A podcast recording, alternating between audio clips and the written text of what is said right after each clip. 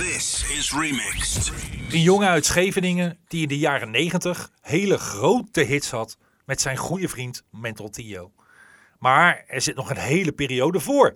Hoe was de jeugd van Ramon Roelofs? Want daar hebben we het over. Wie waren zijn helden? En wat was het gevoel bij zijn allereerste release? Je hoort vragen gesteld door goede vrienden en keuzes die Ramon moest maken. Luister naar een wandeling door Scheveningen. Eerst langs het strand, daarna bij de haven. Met Charlie Lonois, oftewel Ramon Roelofs. Welkom bij Remixed. Welcome, welcome to the world of mixing. Welcome to the world of DJs. This, this is Remixed. Ramon, we zijn op het strand in Scheveningen en je vertelde net dat jij hier heel veel bent. Sterker nog, je bent hier iedere week. Ja, klopt. Wat Ja. doe je hier iedere week? Nou ja, als ik hier, ik ben hier eh, bijna iedere week. Als ik niet moet draaien, dan, eh, dan ben ik hier. Ja. Ehm, of als ik moet draaien in het buitenland eigenlijk. Want dan eh, zit ik natuurlijk in het buitenland, dan kan ik hier niet zijn. Nee? Maar ik ben hier altijd op zaterdag en zondagochtend om lekker even een duikje te doen met, met een groep mensen. Ja, maar En, dat is niet in het zwembad. Nee, dat is in de zee. Maar dat is iedere week. Dat is iedere week. Jaar in, jaar uit. Jaar dag in, jaar in, uit. Dag, Dag in. uit. Ja. Winter, zomer. Ja, nou ja, ik heb het eh, in 2016 voor het eerst gedaan. Ja? En eh, er kwam een eh, vriend van mij, die, of eigenlijk toen, toen kende ik hem nog niet, maar toen ontmoette ik hem bij de yoga. En dat was morgens vroeg en dat was om uh, hoe laat was half zeven begon het. Ja. En ik gaf hem een hand van, hij zei van ja, ik ben Francis. Ik zeg, oh. Ik zeg, we hebben een koude handje. Hij zegt, ja, kom net uit de zee. En dat was februari. Dus ik zeg, hè? Uit de zee? Maar we mochten daarna niks meer zeggen, want de yoga begon. Ik dacht bij mezelf, jezus joh, in de zee ben je niet goed bij je knikker, weet je? Nou, En ik dacht van, ik dacht van eh, die is niet goed joh. Dus, eh, nou ja, op een gegeven ogenblik, lang verhaal kort, het, het bleef maar malen bij mij. Dat ik dacht van, eh, maar ja, iets trok mij naar die zee toe. En toen, nou, toen heb ik het een keer gedaan. Zo, shock joh, echt gewoon, jezus, zo koud. Het was midden in de winter. En toen ben ik op een gegeven moment, eh, moest ik in 2017 in maart een vrijgezellendag organiseren voor een vriend van mij. ja? En eh, toen zijn we. Een onderdeel daarvan was eh, ook in Scheveningen hier zo een eh, ademsessie doen met een vriendin van mij. Die had die Wim Hof opleiding gedaan. Ja? En ook een, ehm, een duik in de zee. En vanaf dat moment, toen snapte ik hem. En toen snapte ik ook wat ik moest doen en wat ik eigenlijk niet moest doen. En toen ben ik, heb ik het meteen doorgetrokken. Vanaf maart 2017 eigenlijk tot eh, nu eh, lekker eh, iedere week een duikje. Wauw.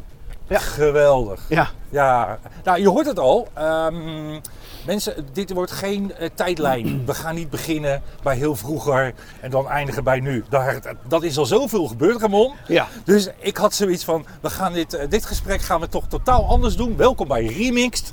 Eigenlijk de plek waar, ehm, wa- waar de meeste andere mixers en DJ's, en vaak al eh 30 plus, eh, eigenlijk luisteren naar de verhalen van die jongens die het wel gemaakt hebben. Die het wel gemaakt. Ja, die het wel gemaakt hebben. Want er zijn er zoveel die, net als jij en ik, en nog ver... Nou, dit, is al niet te geloven, dit. Synchroniciteit. Dit is niet te Beschrijf, geloven. beschrijf wat er gebeurt. Ja, we lopen hier langs het strand van Scheveningen. En er is hier een club dames, is hier met een Zumba training bezig. Iets in de richting. En we rennen er nu achteraan. Dus een club dames zijn het aan het doen. En hoor even op de achtergrond op welke plaats ze dit nu doen. En Ramon staat te springen.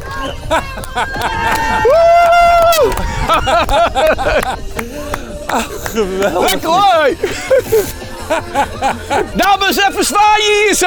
Even zwaaien! Ja, ja, ja, ja, ja.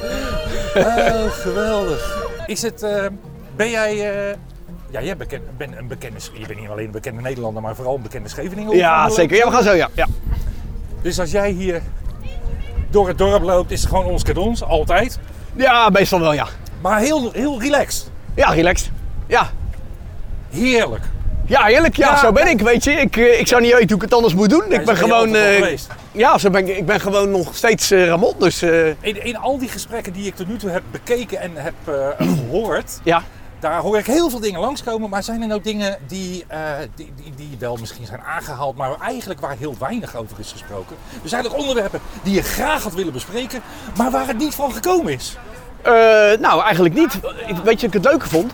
Dat jij allerlei thema's had en vragen voordat we begonnen met dit Ja, interview. die heb ik gestuurd. Ja, en dat vond ik zo leuk. Dus ik denk van, ja, ga jij van wal met je, met je vragen. Dan ga ik antwoorden. Ja, oké. Ja. Ik heb twee mensen, twee bekenden van je, Ja. die hebben vragen gestuurd. Oh, wat leuk. In, eh, dat hebben ze gedaan met voice-appjes. En ik begin eigenlijk, en dat gaat over je allereerste plaat die je ooit hebt uitgebracht. Ja, Caesars Dancers ja. met die remix. Chinese Bank. Ja, Chinese Bang. ja. Historische Italo. ja zeker. Maar eigenlijk wat heel weinig mensen zich realiseren is dat dat dus jouw allereerste Echte productie op plaat. plaat was. Ja, echte plaat. Dan Klopt. ga ik jou nu eh, het laten horen wat iemand, want het heeft daarmee te maken, voor je heeft ingesproken. Dan mag je er daarna op ingaan. Oké. Hey Ramon, Marcello hier. Nou jongen, de beste groeten. En op deze bijzondere manier. Eh, ik wil je eigenlijk wel wat vragen. Ik ben eigenlijk benieuwd naar dat avontuur wat we hebben gehad met de Caesars Dancers. Ehm, was er eigenlijk in die periode, of misschien daarvoor, een eh, Italo-plaat die jij onwijs gaaf vond? En wat ik misschien helemaal niet eens weet of je die wel gaaf gevonden hebt. Of misschien mag je dat wel meer noemen ook hoor. Dat je, ik weet niet of je van, eh, van haar al toestemming hebt om lang te oude deuren. Maar misschien heb je wel de top 5 uit die periode in je gedachten. Ik ben heel benieuwd welke Italo disco platen uit die periode jij onwijs gaaf vindt, eh, vond. Eh, misschien heb je nog wel iets anders erover te vertellen ook eigenlijk. Ik ben heel benieuwd. Nou jongen, het beste. Big hug. Hoi. leuk. Leuk. Marcelo was het, dames en Marcelo. Ja. Nou, even voor de mensen als het niet goed verstaan hebben of zo. Dan eh, Marcelo van de Eventi Datsuro vraagt of eh, rond de tijd dat eh, Chinese Bank van Caesars Dancers uitkwam, Ja. of daar platen zijn die, nou ja, waarvan ik nu kan zeggen dat waren mijn favoriet. Ik moet even schakelen, want ik weet niet meer precies in welke tijd nou die plaat precies ook weer uitkwam. Oh, dat was, eh, dat kan ik je wel vertellen. Dat was 586 zo'n beetje. 586. Caesars Dancers was toen echt wel. Dat was ook een beetje uit de tijd van. eh, nou, nee, later nog zelfs. Het was 87. Echt waar? Want Zo je had daarvoor Silver Bozzoli was 85, 86. Dus het was alweer wat later. Oké, nou als het die tijd was, Ja? dan eh, waren waarschijnlijk de eerste houseplaten ook al uit. Ja, dat Ehm, randje zijn. Ja. Ja, zeker. Dus eh, ik denk dat dat zeg maar niet de Italo's waren waar we op dat moment mijn hart eh, lag. Maar dat was bij de allereerste houseplaten. Dus met eh, Steve Silk Hurley, Jack Your Body, weet Ja? je wel. Ja. Ehm, maar ook Farley Jackmaster Funk. Love Can Turn Around. Ja, ja dus dat, dat soort platen. Ja, Begin van de house. ja, echt het begin Maar- van de Chicago dus- House. Maar zat je ook in de Italo daarvoor, de jaren ervoor? Ja, zeker. Ja? en toen, ja, als je dan vraagt aan mij van wat waren mijn favorieten. Eh La Cage eh Oh, ja. Crazy Family. Ja. ehm, hoe heet dat? eh, ja, Turbo Diesel, weet je wel. Albert One. Ja. Dat soort platen. Dat was echt, dat vond ik, dat was magie voor mij. Zo ben je. Was, nou, want je bent. Het leuke is, je bent van 17 juli 68. Juni. Ja. Juni, sorry. Dus bijna jarig. Bijna jarig. Dus dan word jij ook 54. Ja. Hetzelfde jaar als ik. Oh, wat leuk. Ben je ook met pauzetoets gaan knippen? Ja. Ja, dat was het eerste wat ik deed. Ja. Ja, ik had een JVC cassettedek. JWC, hè, maar kon je daarmee knippen dan? Ja, zeker. Zat Ja, daar geen, want ik had ja vertraging. Vertraging zat erop. Precies. Ja, zeker. Ja. Maar dan moet je knippen met vertraging. Ja, dus wat ik deed was gewoon een halve seconde eerder indrukken. Maar lukte dat? Ja, in het begin eh, niet, maar later, eh, ja, ik heb toch wel leuke, leuke mixjes ermee gemaakt. Heb En, je die eh, nog? Nee, die heb ik niet meer. De eerste mix die ik daarmee maakte, dat was een, een remix van eh Beat It van Michael Jackson. Wow, oh, een makkelijke plaat ook. Ja, ja Niet. zo niet dus. ja. Nee, dus dat was, eh, dat was super tof. En ik had twee draaitafels, dus wat voor mij helemaal kicken was, was dat feesten, weet je wel. Ja, oh ja, tegelijkertijd op twee dezelfde platen snelheid. tegelijk. Ja, ja, ja. En dan Ja. het feesteffect, hè? Ja, ja. Ja, en een vriend van mij die had een, eh, een Sharp cassettedek. Ja. Was die dat John?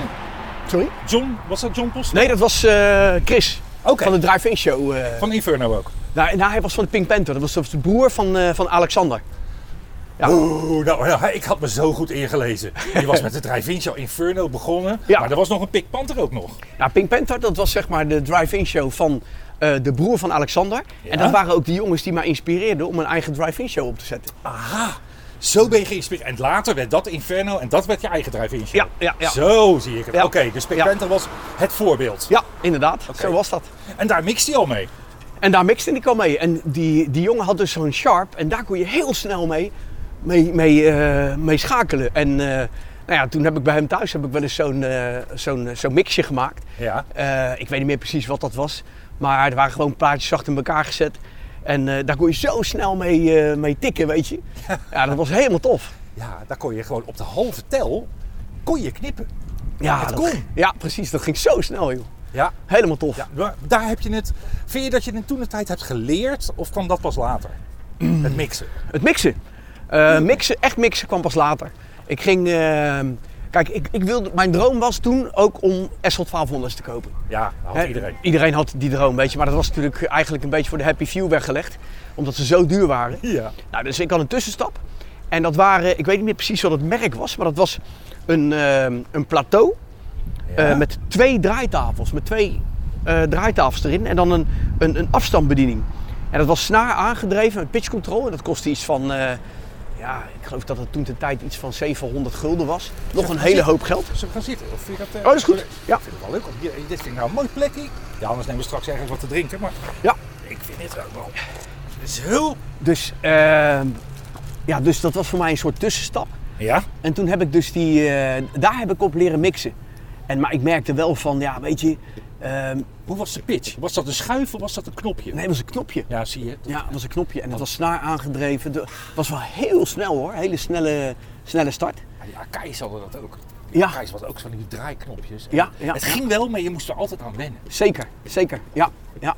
Maar goed, je, je, begon, je, je wist niet beter. Nee, en John Postema, die, had een, eh, die, die liep de Telegraaf toen de tijd. Iedere ochtend, eh, s morgens om eh, half vijf of zo geloof ik zijn bed uit. Ja, ja. En die verdiende best wel wat geld. En nou ja, die had dus heel snel al die SL1200's bij elkaar gespaard. En bij hem oef- oefende ik dus op de SL1200's. Maar toen wist ik ook van ja, die snaar aangedreven shit, dat is eh, even tijdelijk. Maar eh, die draaitafels gaan er komen. Wist jij van de techniek, het feit dat je het nu hebt over snaar en direct drive en weet ik, Ja. wist je dat al? Volg je Ja, dat zeker. ook? Ja, ja ik, was, ik had een technische opleiding. Oké. Dus ik, eh, ik deed elektrotechniek.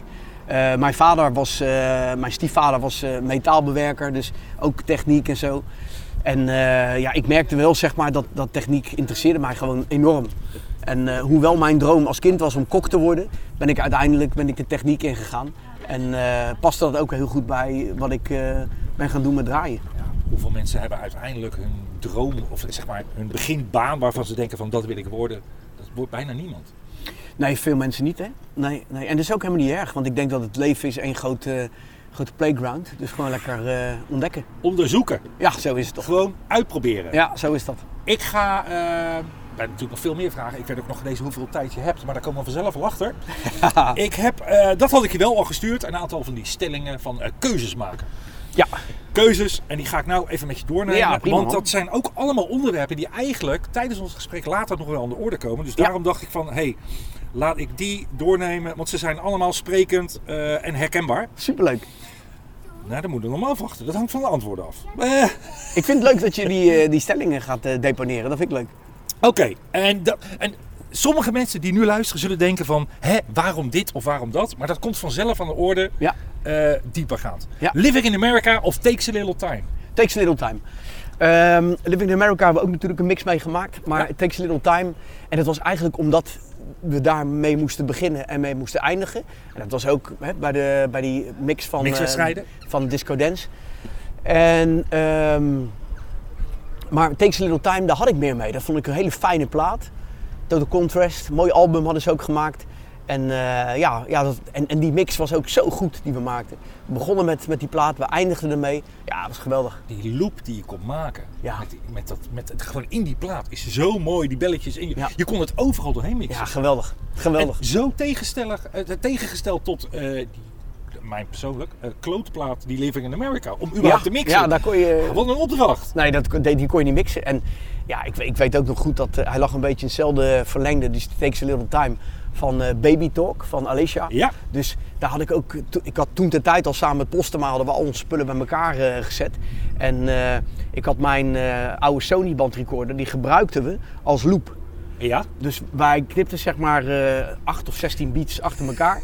En ik weet nog heel goed dat die Alicia Baby Talk, ja, die heeft gewoon voor een heel groot gedeelte in die mix, heeft die gewoon als loop gediend. Ja, dat, Dat was ook. zo mooi was dat. Ja. Ja, Ja, Heerlijk. Eh, je, gebruikt, je maakt nu al een loop. Maar is ook zo. Kijk, dan zie je dus hoe rommelig dit gesprek gaat qua onderwerpen. Het loopt allemaal dwars door elkaar heen. Ja. Maakt niet uit. maakt niet uit. Bandrecorder een loop maken.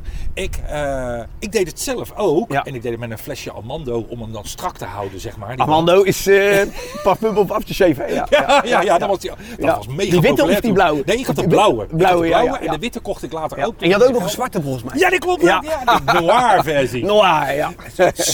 Stinken die dingen. Stinken shit, oh Niet jezus. normaal. Maar goed, ik moest iets hebben om die band rond te laten ja, ja, ja, ja, ja, Hoe deden jullie dat? Wij hadden een, ehm, moet ik even goed nadenken, wel een fles. Oké, Ja, fles. volgens mij een bierfles. Oh, ook heerlijk. Ja, liep die strak. Die liep die strak. Maar je kon niet heel lang. Je kon aantal minuten opnemen, maar die band ging op een gegeven moment aan. ja, die ging eraan. Dus je moest gelijk, gelijk actie ondernemen. Ja. En dan Ja. nam je het op, op een, eh, op, dan weer op een cassettedek? Of hoe deed je dat? Want dat Nee, ging wij, heen en namen, weer. wij namen hem op op eh, eh, de mix. of De, de loop maakten we op een Akai GX 4000D. Ja? En de loop die deden we dan op de Sony. Ja. En dan gingen we weer opnemen op de Akai. Dus, dus we, we, we deden telkens zeg maar de, de, de reel, of de, heet dat, de spoel eh, veranderen. Oké, Ja. oké. ja, zo Ja. deed je het steeds. Ja, want je moest, je moest eh, creatief te werk gaan. Ja. Leuke dingen ja, ja, zeker. En dat is nu ja, het is nog steeds creatief eh, voor een heel groot deel. Maar ja, het is andere magie nu.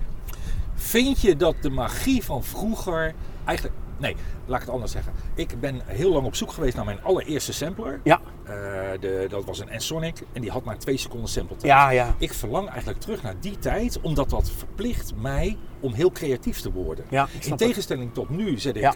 Ableton of Fruity Loops aan Ja, en daar zit alles al in. ja. Dus ik word Ja. belemmerd in mijn creativiteit. Ja, ja, ik snap het, inderdaad. Maar Ja. verlang je die terug naar die tijd van toen dat je dus echt heel inventief moest gaan zoeken naar geluiden, samples? Ik verlang er niet naar terug. Eh, maar ik vond het wel een hele mooie tijd. En ik, ik zeg ook niet van vroeger was alles beter.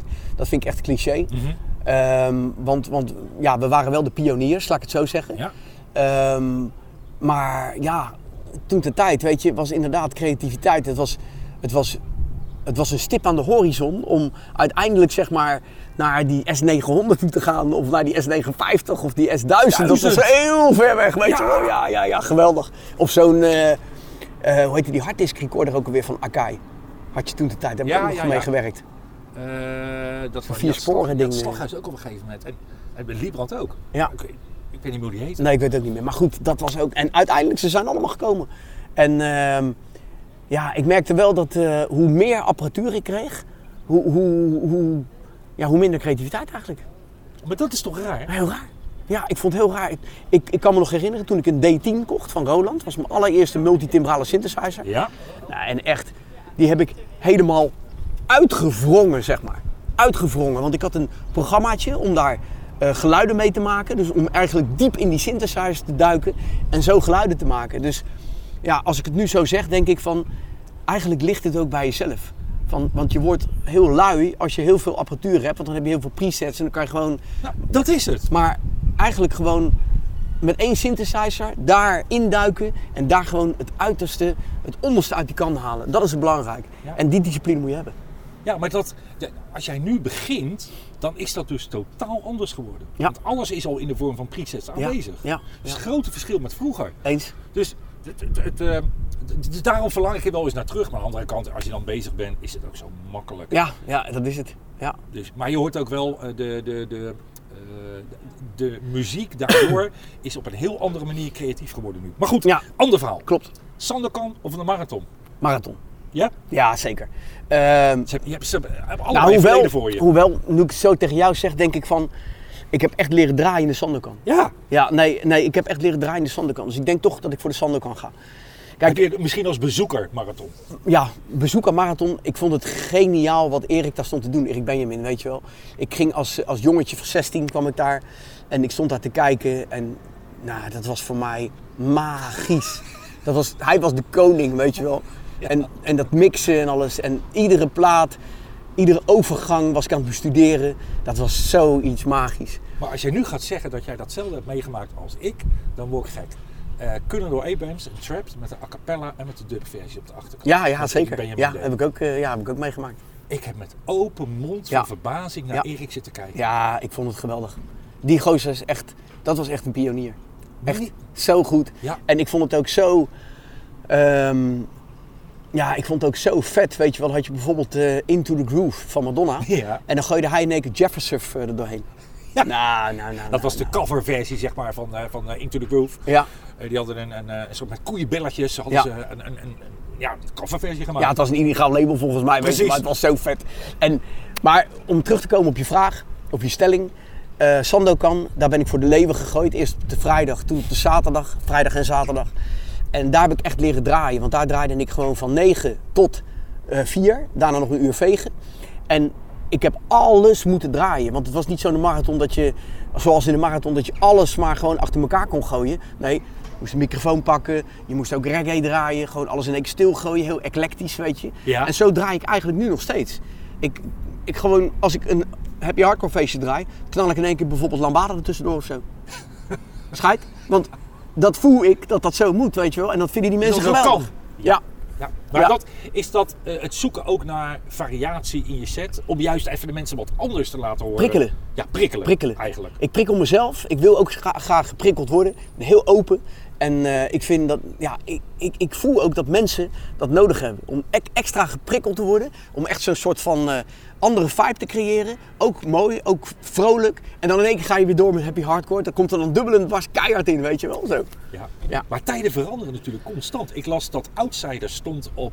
eh, waar stond hij nou? Wat was vorige week?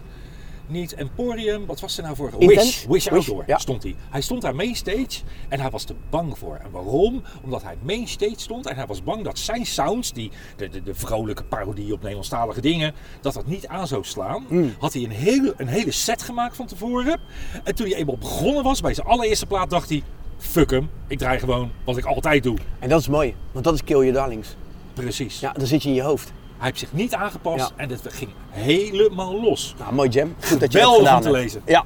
Ja, dat, Ja. dat soort dingen vind ik, vind ik heel leuk. Want dat zegt iets over de onzekerheid die je nog steeds dan hebt. Ja, natuurlijk. Want je, ik, ik, weet je, ik ken Jam ook en ik, eh, ik snap het ook. En diezelfde vibe, weet je wel, dat, datzelfde onzekerheid heb ik af en toe ook nog wel eens. Ben ik een setje aan het voorbereiden en dan eh, denk ik bij mezelf van... Ja, weet je, eh, moet ik dan niet zus en zo? Maar was dat nou van de week? Van de week was het, vorige week moest ik draaien op... Duitsland. Eh, in Duitsland. Duitsland moest ik draaien, in Lübeck. En eh, ik had de week daarvoor ook in Duitsland gestaan. En toen dacht ik bij mezelf, van, nou, het zal wel ongeveer hetzelfde zijn, weet je wel. Dus ik had, een, eh, ik had die tracklist gepakt, die playlist van, van, van, van die week daarvoor. ja. En toen dacht ik bij mezelf van, maar dit, dit, dit wordt wat heel anders. Dus stond ik daar, inderdaad, het waren allemaal kinderen. Heel veel kinderen tussen de, nou ja, wat zal het zijn geweest, tussen de 18 en, en de 30 was het, me- het meeste aantal mensen. En dan waren natuurlijk ook nog eh, Wonderful Days fans, weet je wel, Ja. tussen de 30 en de, en de 50. Die waren er ook. Maar de meeste waren allemaal tussen de 18 en de 20.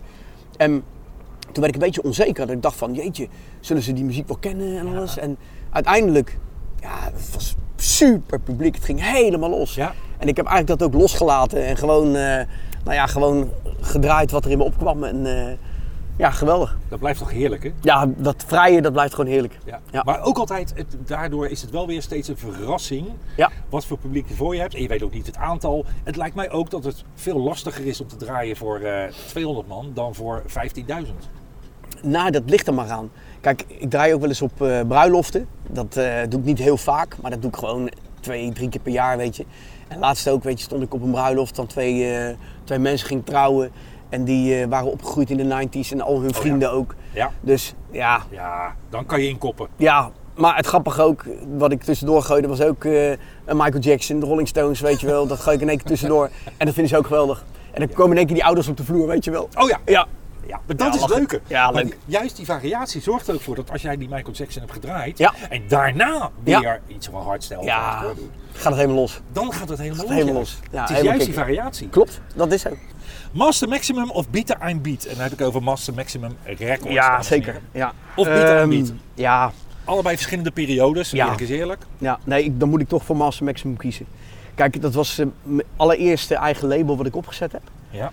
En dat heeft het grote succes ook teweeg gebracht. Daar heb ik heel veel creativiteit in gestopt.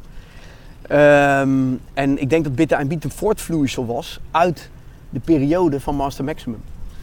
Dus ehm, kijk, zeg maar. Ik, ik ben toen op een gegeven moment met Theo zijn we even tijdelijk gestopt eh, eind eh 99. Ja. Eh, die heb je hardcore stond helemaal op zijn retour. Ja. En eh, toen ging ik op zoek naar nieuwe creativiteit. En die kwam ik tegen in Duitsland in de vorm van eh Blanken Jones, eh, Cosmic Gate, Scott Project. De hard house. ja, de hard house, ja, hard trance was het toen de Ja. tijd. En, en dat werd zeg maar de sound van Bitter and Beat, wat ik samen met Dennis Haring heb neergezet. Ja. En, ehm, en dat daaruit voortgevloeid is weer die hardstyle. Dat- en ja, dus, dus in principe, weet je, ja, de basis voor mij is Master Maximum geweest. En eh, ja, daaruit voortgevloeid is Bit Beat. Ja, het was dus pionieren met Master Maximum. Ja, absoluut. Zeker. Eh, zakelijk was je altijd al eh, goed onderlegd. Je hebt altijd wel goed Ja. in de gaten gehouden. Ja, dankzij mijn stiefvader. Ja, maar er zijn twee tegenstellingen. Want aan de ene kant gaf je niks om geld tot 2014. En, maar zakelijk was je wel.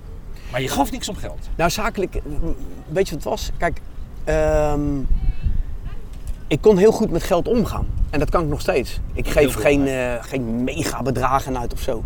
Eh, en dat heb ik denk ik ook van de, de familie van mijn moeders kant. Die waren eigenlijk allemaal wel op de, op de centen, zeg Ja? maar. En eh, zijn allemaal hele, tenminste de meeste uit mijn moeders kant familie zijn hele succesvolle zakenmensen geweest ook. De een is patatboer geweest, heel succesvol. Eh, de ander die is eh bedden, beddenzaak eh, heeft hij gehad hier in Den Haag, But bedden. Oké. Ja, dus inmiddels bestaat dat niet meer, maar hele, ja, hele succesvolle zakenmensen. Dus ik heb dat wel, genetisch heb ik dat wel in mij zitten. Ja. Maar mijn stiefvader die heeft ook voor gezorgd door mij vragen te stellen van, ja, wat wil je met je leven? En dat er eigenlijk uitkwam van, ja, ik wil wel een eigen platenzaak beginnen of iets dergelijks. Oh, zegt hij, nou, wat leuk Ramon, ik wist niet dat je, dat je die ambities had. Nou, uiteindelijk is het geen platenzaak geworden, maar werd het dus een platenlabel.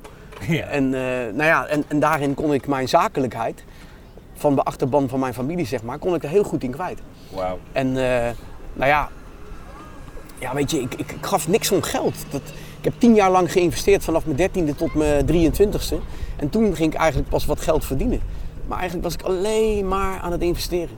Maar betekende dat dat je ook gebruikt werd in die periode? En in, bedoel ik dus mee van eh, het, het hele muzikale wereldje Ja, hangt wel ook een beetje van boefjes aan elkaar. ja zeker. Nou, Die zijn ik heb, zat. eh, ja, zeker. Ben je daarin getrapt?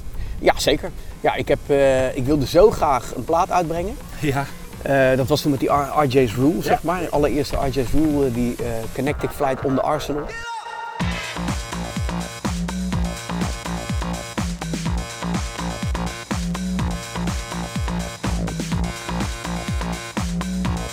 Die plaat die bracht ik uit bij eh, Tink Records. Ja. Ze gaven mij een eh, contract, 2% royalties, ja. publishing weg. Eh, ik zou daar voor eh, mijn hele leven vastzitten, voor het hele universum. Voor alle, Je kon nooit meer wat doen. alle formats, kon nooit meer, ik zat helemaal vast gewoon, weet je wel.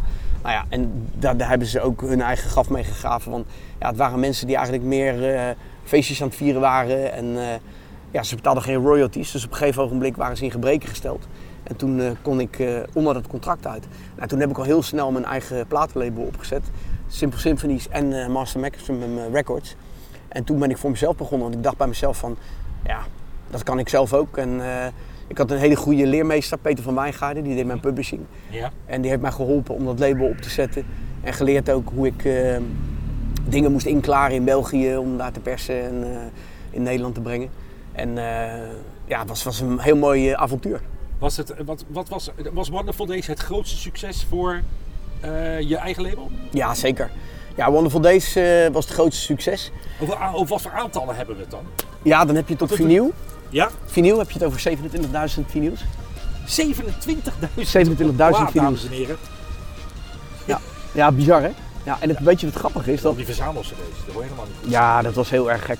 En het bizarre was dat op een gegeven moment toen Wonderful Days dus eh, uitkwam, toen ehm, eh, ging dus de rest van het label, al die producties die daarvoor waren gekomen, dus Live in Londen, eh, Flight to Frankfurt, de Tears EP, ehm, eh, Tiroler Kabooms en zo, die gingen allemaal weer verkopen.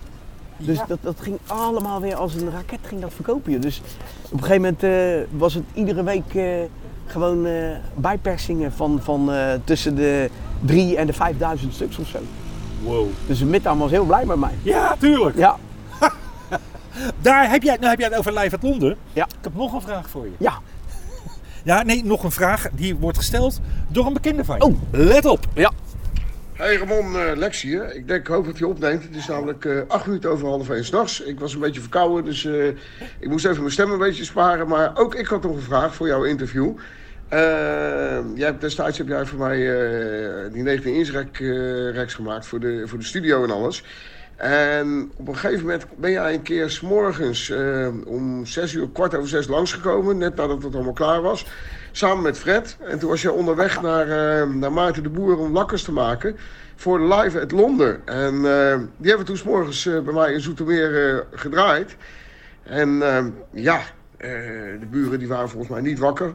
Eh Ineke wel, dacht ik.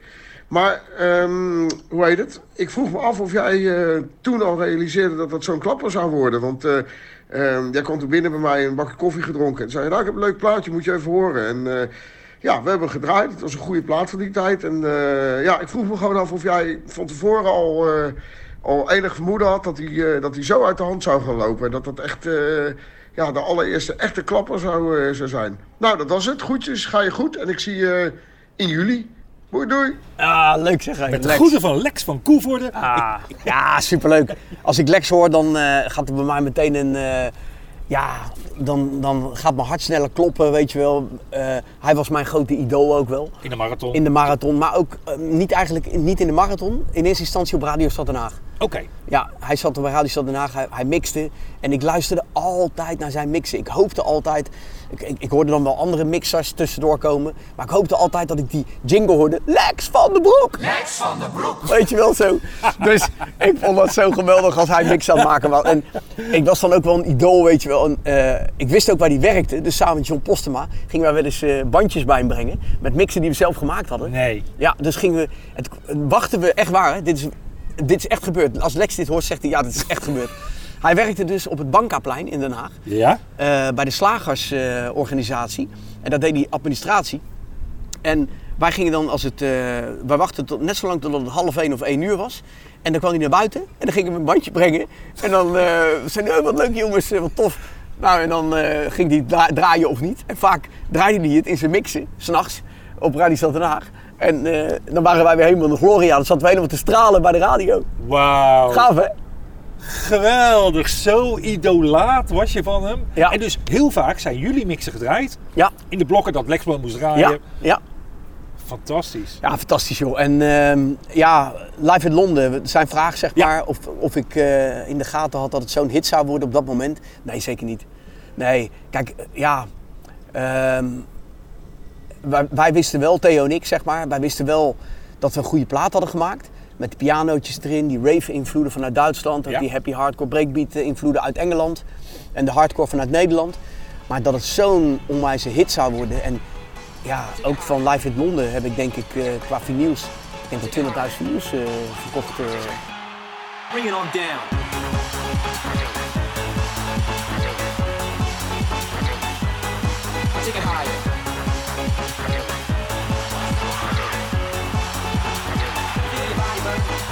Op dat moment. Verre van commercieel, hè? Ja, Helemaal zeker. niet. Helemaal niet. Nee, helemaal niet.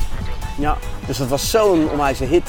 Zelfs Marusha draaide een, eh, want die heb ik zelf nog, ik heb toen met Marusha een keertje in de Roxy gedraaid op een speciale avond. En dat was, toen was die net klaar, die plaat, heb ik hem aan, hem aan haar gegeven.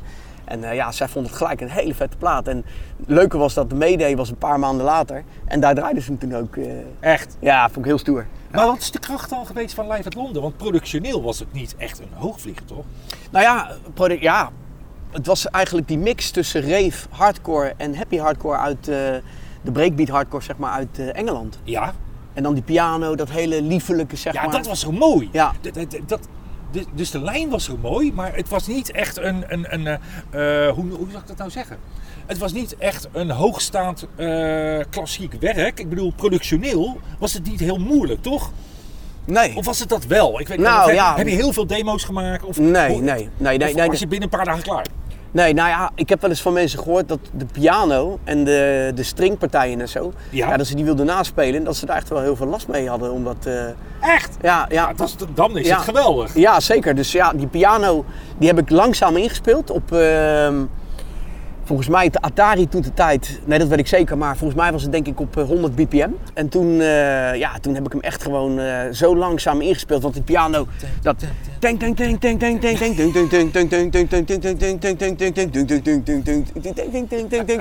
En dan die, die, die, eh, die strike op de piano zo, weet je zo. Ja, weet je, dat, dat heb ik ook heel langzaam gedaan, zo. En dan snel gezet, zo. Ja, Oh, oh, oh, oh. Ja. Geweldig ook die Ja. ja, productieprocessen. Eh, ik stap even naar Verrotterd, omdat dat ook zoiets is wat een beetje mij doet denken aan mijn eigen tomatenplukkers. ja, Eh, ook gewoon gekkigheid. Je Ja. hebt een paar biertjes op, je spreekt wat in en je maakt wat en het staat allemaal. Je, voor Ja. je gevoel Ja. heeft het allemaal niet zoveel inhoud. Ja, maar dit is heel leuk. Want hoe dit tot stand kwam, dat was de eerste plaat die ik met Theo maakte. De allereerste plaat. En Theo had een hele leuke manier van, eh hele leuke benadering van produceren. Hij kwam bij mij de studio binnen. En er stonden, aan de achterwand stonden heel veel platen. En dan ging die, deed hij zijn ogen dicht, dus hij deed zijn hand voor zijn ogen. Ja? Even zijn vinger in zijn, in zijn mond. Dan zei hij, dan gaan we vandaag met de- deze plaat. Pakte hij er eentje uit, gaan we een plaat maken. Nou, dat was toevallig Ellen Foley of zo, geloof ik. Total Eclipse of the Heart. Ja. Ja, of, of eh, Bonnie Tyler. Bonnie Tyler, It's a Heartache, die. Nou, en daar gingen we dus een, een plaat mee maken. Nou, en eh, zo ging dat.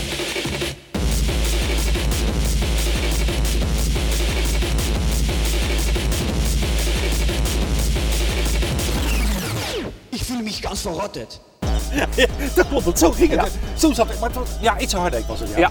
En, maar dan daarna dan ga je wat gekke teksten inspreken. Ja. Dat, was, dat triggerde mij in ieder geval voor, net als de tomatenplukkers, maar ook nog heel veel andere eh, parodieën. Ja. Dus je maakt eigenlijk gekkigheid. Gekkigheid, Je doet lol, gewoon voor de lol. Je humor. bent dat lol maken. Humor, dat is het allerbelangrijkste geweest. Precies. Eh, ja. Maar dat Ja. was het toen ook. ja, zeker. Zoveel mogelijk plezier. Ja. Dit is wat lastiger. Ramon Roelofs of Charlie Lonois? Ja, Dat vind ik ja ik, vind, ik vind het heel moeilijk. Weet je, ehm, In ja. hoeverre is Charlie Lonois Ramon Roelofs geworden? ja, weet je, ik, ik denk dat ik, eh, dat, ik, dat ik altijd, Ramon Roelof ben ik altijd geweest en altijd gebleven. En eh, er is een periode geweest dat ik echt wel het leven van Charlie Lonois leidde. Ja. Dus eh, de artiest. En, eh, maar dat heeft me ook heel veel gebracht. Het heeft me heel veel wijze, wijze lessen gebracht. Die Ramon Roelofs ook mee kon nemen in zijn leven. Dus eh, het archetype van de DJ, zo noem ik het maar even in Jung, eh, Jungtaal. Ja, het archetype van de DJ is Charlie Lonois. En mijn basis is Ramon Roelofs. Maar zonder dat, dat, zonder dat Charlie Lonois en die, die avonturier eh, heeft Ramon Roelofs ook niet zeg maar, zijn, zijn, zijn wijze lessen kunnen leren. Nee. Dus ja, ik zou, ik zou het een niet los willen koppelen van het andere. Maar als ik echt moet kiezen, ja, dan kies ik voor Ramon Roelofs. Oké. Ja. Maar had Ramon Roelofs zo ook geweest zoals hij nu is, als Charlie Lonois er nooit was geweest? Nee, nee, dat denk ik niet. Ik denk dat ik echt hele wijze lessen heb geleerd in de DJ-wereld. Eh, zakelijk gezien, maar ook vooral op het menselijke vlak. Menselijke vlak, eh, ja, des te meer denk ik. Eh, met met nou ja, randje burn-out zitten. twee keer tot twee keer toe knock-out gaan, weet je wel. Ja. Ja. en ook op het pad komen van meditatie. Dus ik denk dat dat, ja, dat dat gewoon hele belangrijke aspecten zijn geweest om een completer mens te worden. En ehm, ja, ik kan ook door middel van Charlie Lonois kan ik ook heel veel dingen kan ik geven aan mensen met Ramon Roelofs. Regulator of Rave This Nation? Rave This Nation. Want? Ja, Rave This Nation was echt... eh, Kijk, ik, ik hoor nu ook die Regulator plaat hoor ik in mijn hoofd zo afdraaien. Don't Ook disturb su- this groove. Ja, super vette plaat. die rap man. Ja, die rap. Ja, Van, eh, die was van Quincy volgens mij. ja, Quincy ja, zeker. Quincy Jones. geweldig. Ja, ja, super rap. Alleen, Rave This Nation, dat was zo'n ontwikkelingsproces. Dat was echt gewoon een, een, wat ik net zei, die D10 synthesizer. Ja? Eh, M1 die ik van eh, Randy Katana had geleend. Ja? Ehm, eh, ik had van hem ook een S1000 geleend. En dat was niet echt, ja, het was niet echt lenen. Had ze bij mij gestald omdat de belasting achter me aan zat. JD800 eh, geloof ik ook. Ook, eh. ja, daar heb ik Speed City mee gemaakt. Allemaal apparatuur die allemaal voorlopig Ja, die kreeg ik gewoon. Ja, want de belasting zat achter me aan en hij was bang dat ze het eh, kwamen ophalen bij me. Dus eh Ramon mag bij jou staan? Ja, dat is prima. Ja, ja, Doe maar. ja, ik zeg prima joh. Dus ik zat ermee te rommelen. En uiteindelijk met die, ja, met, met die, zeg maar die, ehm, eh, hoe heet dat, met die M1. Ja, ik heb daar zoveel mooie geluiden uitgehaald. Die, die Rave This Nation strings die eronder zitten. Dat, Ja?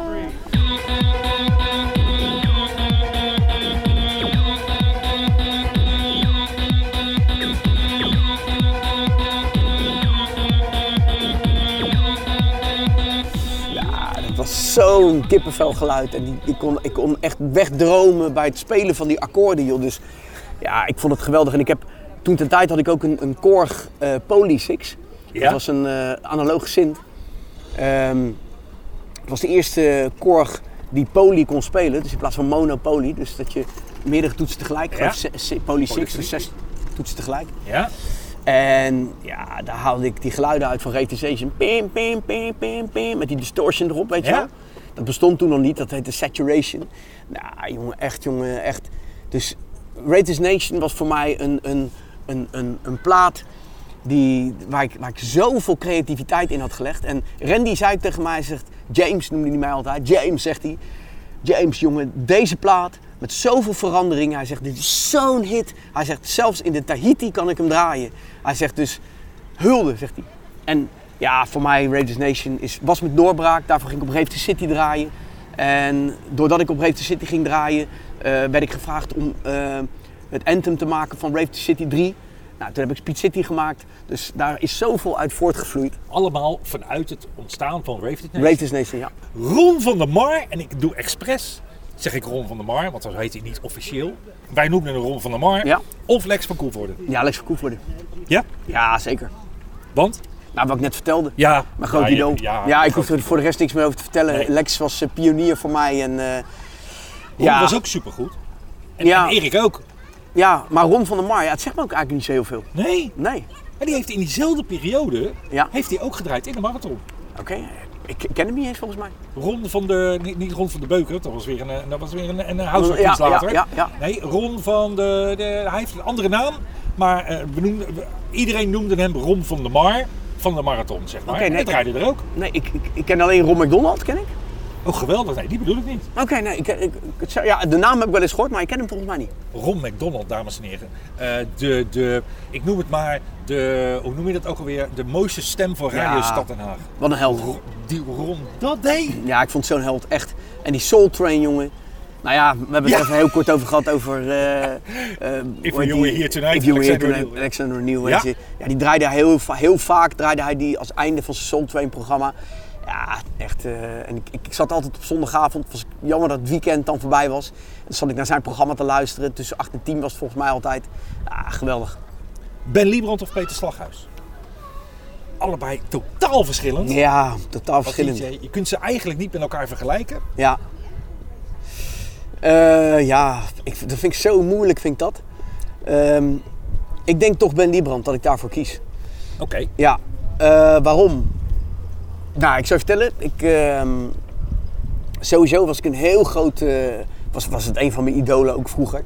Ik zat altijd te luisteren naar de minimix. Ja. Eh Grand Mix ook gewoon altijd opnemen, luisteren.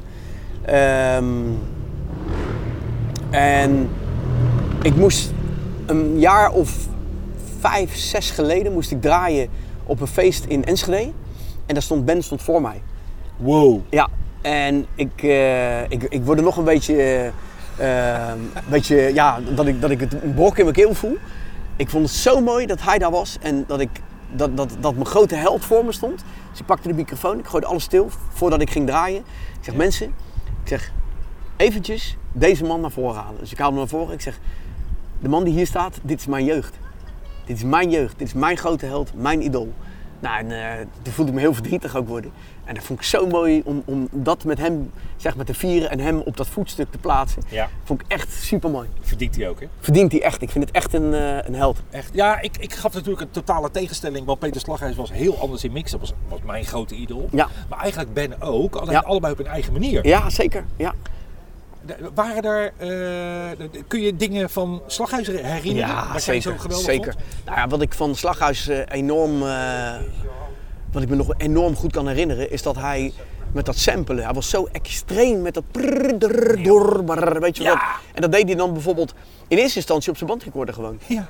Dus, dus dat, ik vroeg mezelf dan ook af van hoe doe je dat, weet je wel?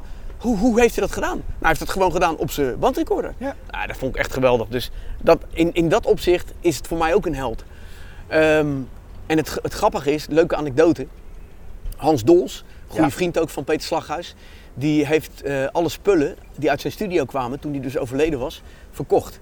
En een van die dingen, die heb ik, ik heb toen een, een eh, Drama compressor, best wel een van de duurdere versies, heb ik toen van hem gekocht. eh. Echt? Ja, en die heb ik dus gebruikt eh, als allereerste, op allereerste productie, eh, Speed City. Yo, man, pull over.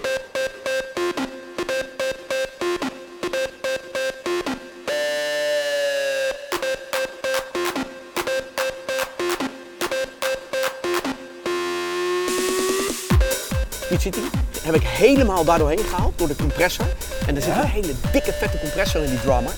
En daar heb ik dus die, eh, die track doorheen gehad. En dus mijn ehm, ode aan Slaghuis is zeg maar in eh, nalatenschap die track Speed City. Zit in Speed City. Ja, ja, ja, ja, ja, heel vet. Oh, mooi, mooi. Ja, ze hebben allebei heel veel betekend. Eh, ja, geweldig. ja. Ben Liebrand, Peter Slaghuis. Ja. Oké, gaan we naar de volgende. Eh Ferry Maat of Martijn Krabbe? Ja, ook weer zo'n hele moeilijke. Allebei ja. belangrijk geweest Allebei in jouw verleden. superbelangrijk, ja, Je zeker. Je bent allebei te maken gehad. Ja, zeker. Ja, ja. Ehm, ja. Ja, ik denk Ferry Maat. Ik denk toch echt Ferry Maat. Ferry Maat is gewoon zo'n held ook wat dat betreft. Ehm, hij was eigenlijk een van de eerste die, die, die ten eerste zo'n typisch geluid in zijn stem had. Dat zo'n DJ-geluid, weet je wel, dat ik dacht van ja, heerlijk om naar die man te luisteren. En dan eh, wist ik niet eens hoe die eruit zag, weet je. Dat, dat, dat, want je had geen internet en eh, dat zag je gewoon Dat was de magie van radio. Ja, geweldig. geen idee. Je hoorde Ja. alleen maar een stem. Ja, ja, absoluut. En ook die muziek die hij draaide. En als je de BB&Q bent natuurlijk als tune, weet je wel. Nou, dat was gewoon geweldig. En Martijn Krabbe was zijn opvolger. En die ziet niet ver onder hem bij mij. Want ook hij gaf aan dance tracks weer een heel andere draai. Dus ja, ik... ik eh, ja, mega goede tijd. Super mooi. Als ik Martijn nu nog terug hoor, eh, stukken van Dancewax, Ja. ik zou hem graag weer op de radio horen. Ja, trouwens. zeker. Zeker. Martijn, ook Martijn, Ja. Fantastisch. En dat kan hij ook Ja. als tv-presentator, maar als radiopresentator. Zou hij nog heel mooi nu zijn ding kunnen doen. Ja. ja, ik ben bij de studio geweest met Dance Tracks toen die Bond van Doorstarters. Dat was natuurlijk het enige item wat nog eh, bestaan bleef in, eh, in, de, in, in de Dance Tracks. Ja. Als eh, overblijfsel van de Soul Show. En ehm, ja, toen ben ik bij mijn studio geweest. En toen zat ik daar samen met een maat van mij, niet met John, maar met een andere gozer. Met Ja. Dennis Haring. Zaten we samen en we waren echt helemaal zo van beduust en, en, en ja, eh, zo van wow, weet je, staat hier met een grote Martijn Krabbe in, in, in, in Hilversum, weet je wel. Onder de indruk. Ja, dat is niet was normaal. echt onder de indruk. Zijn jullie samen er naartoe gereden? Ja. Ja. Ja, Dat, die, dat, die reis. Dat je dan in de auto stapt. Ja. Om dat, Spannend. dat vergeet je samen je hele leven nooit meer. Nee. Spannend. Dat is niet normaal. Ja, super spannend. Ja. Ja.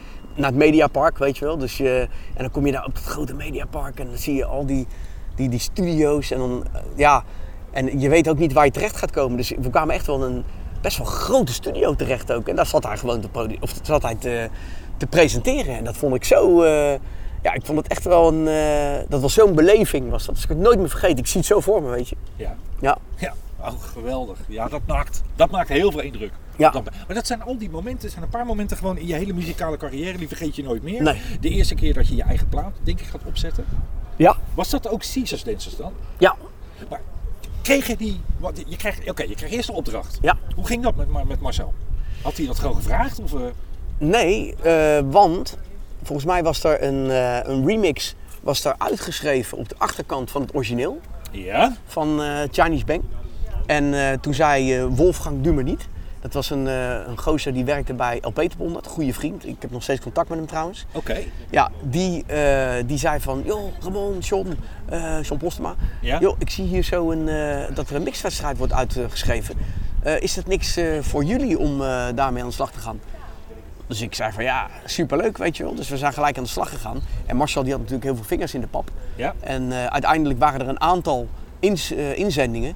Ja, en wij hadden gewonnen. En die kwam uiteindelijk op plaat uit. Dus dat was heel bijzonder. Ja, Ja. want dan krijg je je plaat. Heb je er toen ook een paar van gekregen? Ja, volgens mij een stuk of eh, vier of zo. Oké. Ja. En dan ga je hem voor het eerst opzetten. Ja, ja, apen trots. Want het was ook nog een, eh, een groen vinyl volgens mij. Ook dat nog? Ja. Ja, geweldig. Ja, ja joh. Oh, fantastisch. Eh daar heb je het over groen vinyl. Die allereerste Wonderful Days. Ja. Eh, op blauw. Ja. Als je die... Ik, ik hoorde dat er een... eh, vanochtend hoorde ik op het nieuws dat er een Stradivarius voor 14 miljoen is verkocht. Zo. Omdat daar eh, belangrijke eh, muziekstukken mee zijn gemaakt. Ja. Wat is die blauw, dat blauwe exemplaar van Wonderful Days nog waard? Weet je dat? Heb je enige Geen idee. Heb je daar ooit wel eens Nee, iets geen over idee. gehoord? Geen ik ben wel idee. benieuwd, want hoeveel zijn er van geperst van die blauwe? 2000. Dus als iemand dat exemplaar heeft, dan is het één van de 2000. Dat is uniek. Ja, ja ik, heb er, ik heb er nog twee. Je hebt er zelf ook nog twee. Ja, Ja, nooit wegdoen natuurlijk. nee, nee, nee. Of, of heb ik even... Nee, nee, ik heb twee, twee blauwe. Twee van die eerste heb ik nog. En nog een, eh, ja, ik denk één of twee van die zwarte.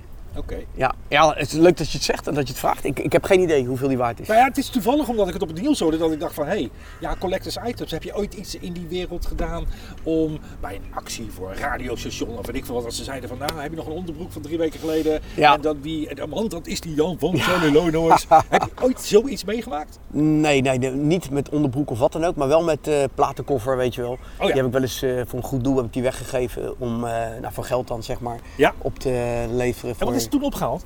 Eh, volgens mij heeft iemand 350 euro voor die platenkoffer betaald. ja, ja. Ja, dat is toch mooi? ja, geweldig. In je boek schrijf je over de tijd met John Postema dat je eh, de Inferno Drive-In Show bent gestart. En een van de hits was Divine Step by Step Native Love. Ja, Dan dacht ik gelijk van oké, maar eh, toen was je, was je eigen Drive-In Show, je was aan het mixen. ja. Wat, waar- weet je nog overgangen of weet je nog feestjes van toen de tijd? Want dat waren hele bijzondere dingen. Je had Ja. je eigen drive-in show. Ja.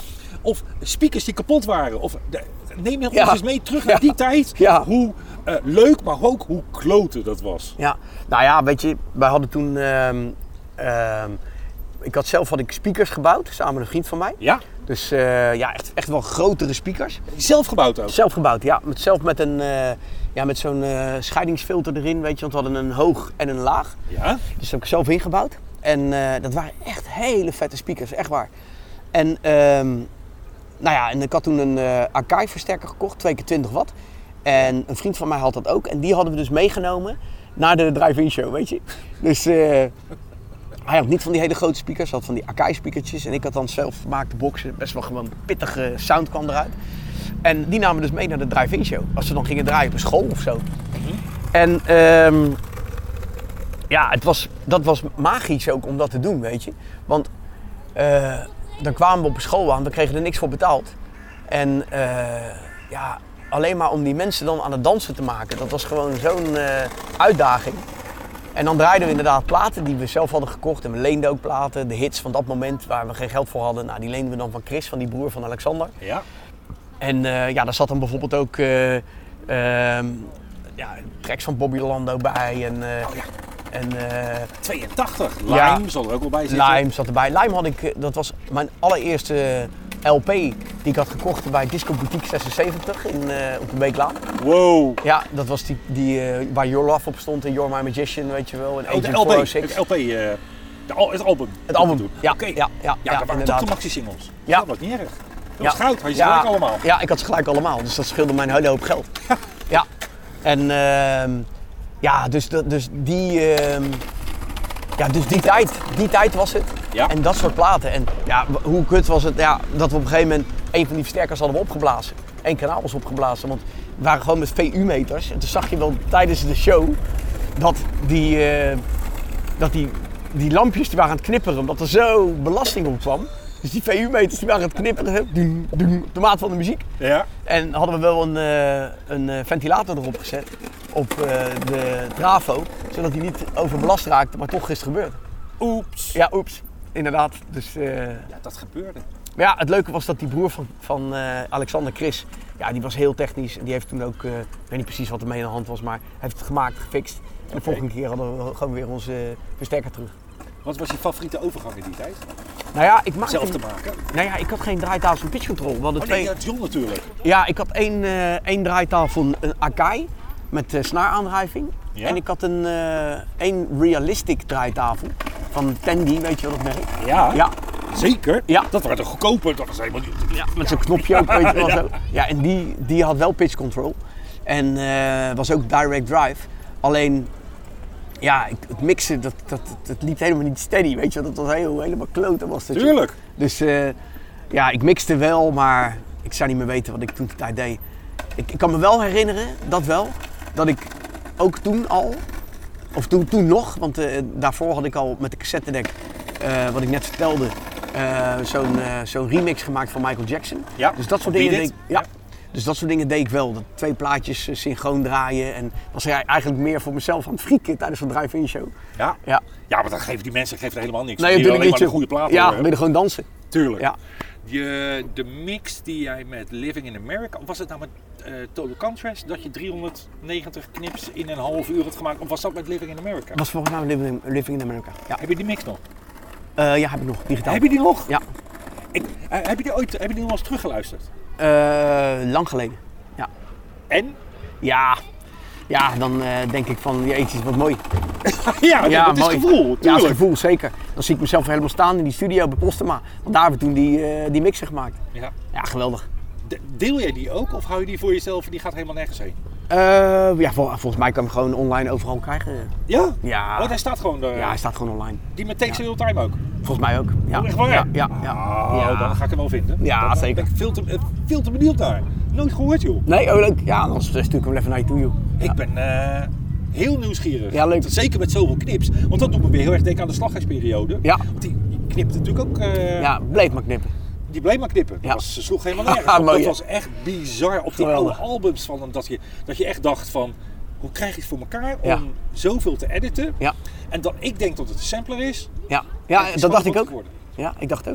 Deze vraag had ik al van tevoren gestuurd. Als je stiefvader, die is overleden in 98, Ja. als die nog steeds had geleefd en jij, had hem, jij zou hem nu tegenkomen en je zou moeten vertellen joh, hoe het nu is gegaan de afgelopen, nou wat is het, 24 jaar. Ja. Hoe zou je dat nou in een paar regels aan hem uitleggen? Ja, dan zou ik aan hem uitleggen dat ik. eh, dus ik zou eerst tegen hem zeggen dat ik hem onwijs dankbaar ben voor wat hij mij geleerd heeft. En dat hij, eh, ja, wat een mooi mens die eigenlijk geweest is in, eh, in de tijd dat ik het keihard nodig had. Ehm, hij was altijd een soort van eh, ja, rots in de branding. En ook iemand die er was, maar ook niet. Dus ehm, ja, gewoon iemand die, er, die, die gewoon, als ik iets te vragen had of zo, dan, eh, nou, dan, eh, dan ging hij luisteren en dan eh, gaf hij antwoord. Maar het was gewoon echt een, een, een man die er altijd was en dat was heel, heel fijn. Heel fijn om, om die energie te voelen. Ik heb ook wel eens over hem gedroomd ook nog. En dat is wel lang geleden hoor. Maar toen kon ik hem ook echt ruiken. Hij had altijd een, een overal aan. Ja. En zo'n, zo'n, ik weet niet of je dat kent, misschien de mensen die luisteren, die kennen dat ook wel. Een typische overal lucht. Zo'n, zo'n blauwe overal, die, die hebben speciale lucht. Ja? En dat rook ik dan in mijn droom. Heel bijzonder. Bizar. Ja, heel bijzonder was dat. Ik zag hem op zijn kantoortje en dat rook ik toen. En ehm, ja, ik zou hem dan uitleggen dat, eh, ja, dat ik echt wel mijn droom heb geleefd. En dat ik echt gewoon eh, vol op mijn hart eh, gevolgd heb. En dat het op sommige momenten ook heel moeilijk was. Maar ja, dat ik altijd wel met beide poten in de klei ben, eh, ben blijven staan, zeg maar. Zijn er momenten geweest dat je hem extreem hebt gemist? Nee, nee, nee, nee, nee, niet, nee dat eigenlijk niet. Mijn, ehm, mijn, mijn echte vader, zeg maar, mijn Ja. eh, biologische vader, die wel. En dat was meer, zeg maar, op het moment dat ik echt erin ging duiken. Dus met eh, familieopstellingen, met helende reizen en zo. Dan ga je dus echt in je onderbewuste. En dan kom je dus echt gewoon je eigen vader tegen. En dat is een 50% minimaal van wat ik zelf ben. Hè? En ja, dat was wel een heel mooi moment. En dat was ook heel, eh, heel confronterend. En heel verdrietig ook eigenlijk wel. En, eh, ja, want je, je ouders zijn voor mij ook mijn grootste... Ik denk voor ieder mens zijn je ouders je grootste voorbeelden. Als je dat in een fontein zou plaatsen, dan Ja. krijg je zeg maar je energie. Je staat altijd in een fontein, sta je zeg maar onder je ouders. Ja. En je krijgt altijd datgene door van wat daar boven je hangt. Hè? En dus ehm, Ja, en dat heb ik ook moeten accepteren. Eh, omdat ik ook heel lang, zeg maar, eh, het verhaal van mijn moeder geleefd heb. En ja, dat, dat is hun verhaal geweest. En daar heb ik niks, eh, daar heb ik eigenlijk helemaal niks mee. Ik heb het gewoon moeten accepteren dat het zo was. En daardoor kon ik ook weer verder.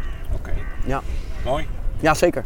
Welk, ja, dit, ik ga dus, we hebben het, ik heb het al vaak gezegd. Eh, we gaan van de hak op de tak. Als jij eh, alles van de afgelopen, of we nog een stukje lopen. Het is al, Nee, ik vind het prima zo, joh. Ja, Ja. dat best.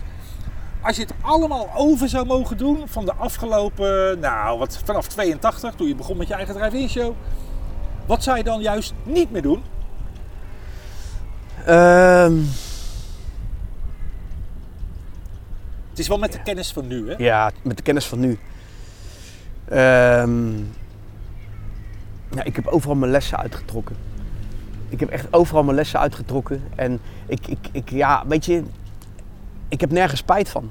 Ik heb echt nergens spijt van. Ehm, niks. nou ja, weet je, ik heb toen de tijd rare dingen gedaan, zoals een hele dure auto gekocht toen ik, eh, toen we een contract van Polydor eh, kregen. Ja, je had het geld toch? Ja, kijk, maar dat, dat, heb ik geen spijt van, want het is gewoon een les geweest, weet je wel. Zal, nu zal ik nooit meer een eh, Jeep kopen, V8, eh 5,2 liter. Eén ritje naar Hamburg kost je 150 gulden, weet je wel. eh, belachelijk. Maar ik heb ook een hele grote mengtafel gekocht. Dat was gewoon een droom van mij om een hele grote mengtafel te hebben. Zo'n Otari eh, eh, 48 kanaals tafel, weet je wel, met eh, half automation en zo. En dat was echt een droom. Nou ja, uiteindelijk heb ik daar hele mooie albums mee gemaakt en zo. Dus eh, zou ik dat nu weer doen? Nee, zou ik niet doen. Met de kennis van, van nu. Maar toen deed ik het wel, omdat het gewoon mijn droom was. Dus uiteindelijk denk ik ook dat als je de- deze vraag nou weer zou stellen als ik 98 ben, Ja. dan zal ik denk ik zeggen dat ik heel tevreden ben met mijn leven zoals het is. En dat ik ook niet meer allerlei dingen die ik nu wel koop, dat ik die dan ook niet koop. Want het leven is een ontwikkelingsweg. En is gewoon een, een, een, een, een leerweg. En eh, iedere, ieder deel van het leven heeft ook zijn fase. En ja, daar leer je gewoon uit. Heeft geld jouw leven verrijkt of heeft dat juist eh, dingen eh, veranderd? Ik geef even een voorbeeld. Toen ik zelf financieel heel lastig zat, was ik heel blij dat ik, het, eh, dat ik na een half jaar sparen een, een, een, een, luchtje kon kopen. Bijvoorbeeld. Ja. Nog even iets stoms hoor. En naarmate je dan meer geld hebt, je kunt dus makkelijker iets kopen, Ja. dan her- herkende ik minder de waarde van het product wat ik kocht, omdat ik het geld had. Ja. Dus dat bedoel ik eigenlijk van als jij heel lang spaart voor een, voor een sampler te kopen, dan ben je daar ontzettend blij mee, want die wilde heel graag. Maar op het moment dat je heel veel geld hebt en die dingen dus makkelijk kunt kopen, dan was het voor mij helemaal niet bijzonder meer. Ja, nou klopt. Ja, ik, ik, eh, ik zie het ook zo. Kijk, daarom zeg ik dat geld. Ik vind het leuk dat ik het heb. Ik heb pas geleden heb ik een nieuwe auto gekocht, een eh, elektrische auto. Ja? En dat heb ik puur met, met zicht op, eh, nou ja, op, ook omdat ik zonnepanelen op het dak heb, vind ik heerlijk om die auto gewoon op een mooie dag, net zoals vandaag, de zon schijnt, zet ik hem aan, eh, aan de laadpaal, laat ik gewoon groen. Ik laat van de zon. ja. Geen enkel Ja, zeker. Komt u maar. Komt u maar op mevrouw. Nee hoor, Komt u maar. rustig aan. Ja, nee hoor, helemaal goed. Neem de tijd. Ja. Nee, dus ja, dat, en dat vind ik dan mooi, weet je, dat ik, ehm, dat ik een pionier kan zijn op dat gebied, zodat iedereen dadelijk, ik weet ook wel, elektrisch is niet zaligmakend, is ook niet zeg maar het meest schone eh, wat je kan hebben met die, met die kobaltmijnen en dat soort dingen meer. Maar uiteindelijk dat we naar iets toe gaan, waardoor eh, de pioniers op dat gebied die het geld hebben om het te kopen, het mogelijk maken voor de mensen die later, die nu no- nog niet kunnen kopen, maar later wel. En dat net zoals met de flatscreen tv's of met de apparaatjes waar nu wij aan het opnemen zijn. Ja. Dat zijn toch dingen waar, je, waar mensen zoals jij en ik geld aan kunnen uitgeven. Zoals, zodat later mensen het op een andere manier ook kunnen gaan gebruiken. Wat een diepgaande gedachte over een hele eenvoudige vraag. Prachtig. Nou, ja, ja, ja. Zo, zo stond ik daar dus helemaal niet in op die manier. Maar jij gaat dus, ik denk alweer een stuk verder.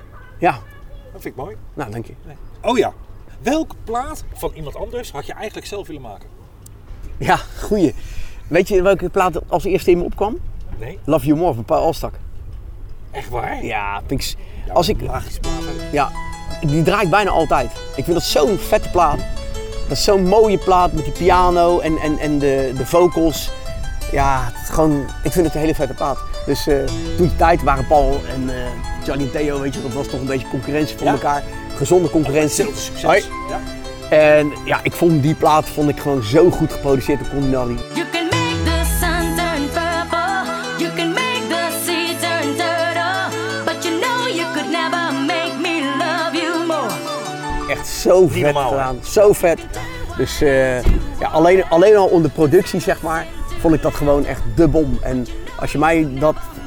Kijk, Koen en Aldi waren natuurlijk de, de helden in de studio met die compressors. En, en, en eh, ja, wij hadden, zij stonden niet op te treden, maar wij, wij wel. Weet je, en wij hadden de tijd niet daarvoor om dat allemaal uit te dokteren. Dus ja, als, als er één plaat zou zijn die ik, eh, die ik had willen maken, dan was het die. Oké. Ja. Oké. Nou hebben we het over eh, Koen en Aldi, een soort van ghost producers. De Ja. eerste voor Sean, voor Paul Elstak, noem het maar op. Hebben jullie ooit met ghost producers gewerkt? Ja, zeker. Ja, ja zeker. Bijvoorbeeld Stars, die hebben samengemaakt met eh Etienne Overdijk. Oké. Ja, ja. Hoe kan het dat? Die, die, die naam zegt me helemaal niks. hij dat staat ligt aan mij, hè? Op, eh, hij staat ook met een remix van Wonderful Days op ons album Charlottenburg. Oké. De Etienne Overdijk en Sven Maas remix. Eh, dus daar hebben we mee gewerkt. Wij hebben ook gewerkt met eh Base Dean King Matthew. Die hebben een remix Ja. gemaakt van eh, de Ultimate Sex Track. Eh, even kijken hoor. Eh Etienne heeft mij ook geholpen met het mixen van eh, Hardcore Feelings. Productie die stond. Alleen het mixen heeft hij eh, mij geholpen toen in de studio. Maar was het omdat, je dat, omdat dat uitkwam? Waarom? Want je had het niet nodig. Je kan het zelf ook. Nou ja, ik, ik, wat ik zeg, weet je, wij waren zo druk met draaien. En eh, toen voelde ik die druk al enorm. Oké. En toen had ik ook zoiets van, ja, ik kom er niet uit met dat mixen, joh. Ik, ik, ik, ik, ik verhoor het gewoon niet. Nou, en eh, het was gewoon puur had het te maken met rust nemen aan je oren en dat soort dingen. Nou, en daar zat een enorme druk op van, wat ik zeg, van, we hadden een, een, een eh, contract getekend bij Polydor. Nou, daar stond heel veel geld tegenover, dus dan moest je inlopen. Eh, dan heb je het geld weer. Ja. En dan eh, één album per jaar, drie singles maar minimaal per jaar, maar ook, dan, ook nog 300 optredens per jaar. Allerlei promotieactiviteiten, want we waren iedere single wel te vinden bij Telekids, bij, de- bij, die, bij die radiozender. En het was mega druk, mega druk. Dus ik had gewoon de, de, de rust niet in mijn flikker om echt te gaan zitten voor zo'n mix te maken. Zo'n Rape This Nation, daar heb ik echt gewoon tot op de millimeter heb ik uitgedokterd hoe ik die mix wilde laten klinken. Dus, en ook Speed City en ook eh, eh, Live in Londen, weet je wel. Die rust was daar toen de tijd nog. Maar ja, en daarom... Voelde, je, voelde je het dan ook als een zwakte, tussen aanhalingstekens? hè? Nou, dat, dat- je, dat, ja, je, dat je ja. andere mensen niet meewerken? Ja, goede vraag. Nou ja, ik, ja zeker. Ik heb, ook, eh, ik heb ook wel, ik heb daar moeite mee gehad om, eh, ehm, om zeg maar, en dit is een ding waar ik eigenlijk nu pas, ja, echt maar, dit is heel recent, een, een maand of zes geleden ben ik hier achter gekomen dat in mij zit een, een redder. Ik wil iedereen redden. En dat gaat in mijn liefdesrelatie speelt dat door. Eh, dat speelt ook door in, eh, in, in het dingen alleen willen doen en zo, weet je wel. En als dan Theo bijvoorbeeld zei van ja, we gaan gewoon zeg maar producties gaan we allemaal uit handen geven. Dacht ik van de controle uit handen geven, vond ik heel moeilijk. Ja. Heel moeilijk. Ja, en ehm, dus ik vond het heel lastig om, eh, om die controle uit handen te geven. En dat eh, die producties zeg maar, eh, ja daar schaamde ik me dan voor, weet je wel. Van dat moeten we toch ook alleen kunnen. Precies. En, en ben je tevreden dan met het eindresultaat? Want iemand anders heeft er dan aangezeten aan Ja. jouw product. Ja. Dat klinkt altijd anders dan hoe je het zelf zou doen. Ja, super anders. Als ik nu luister naar Stars die ik had gemaakt, die versie. Ja, die was totaal anders als de versie die Etienne eh, met ons gemaakt had. En, maar uiteindelijk moet ik zeggen, ja, de versie van Etienne was beter. Eh, qua arrangement veel beter. Qua mix anders. Ik kan niet zeggen beter, maar het was gewoon anders. En ehm, maar ik ben heel blij dat hij ons geholpen heeft, zeker. Ja, top.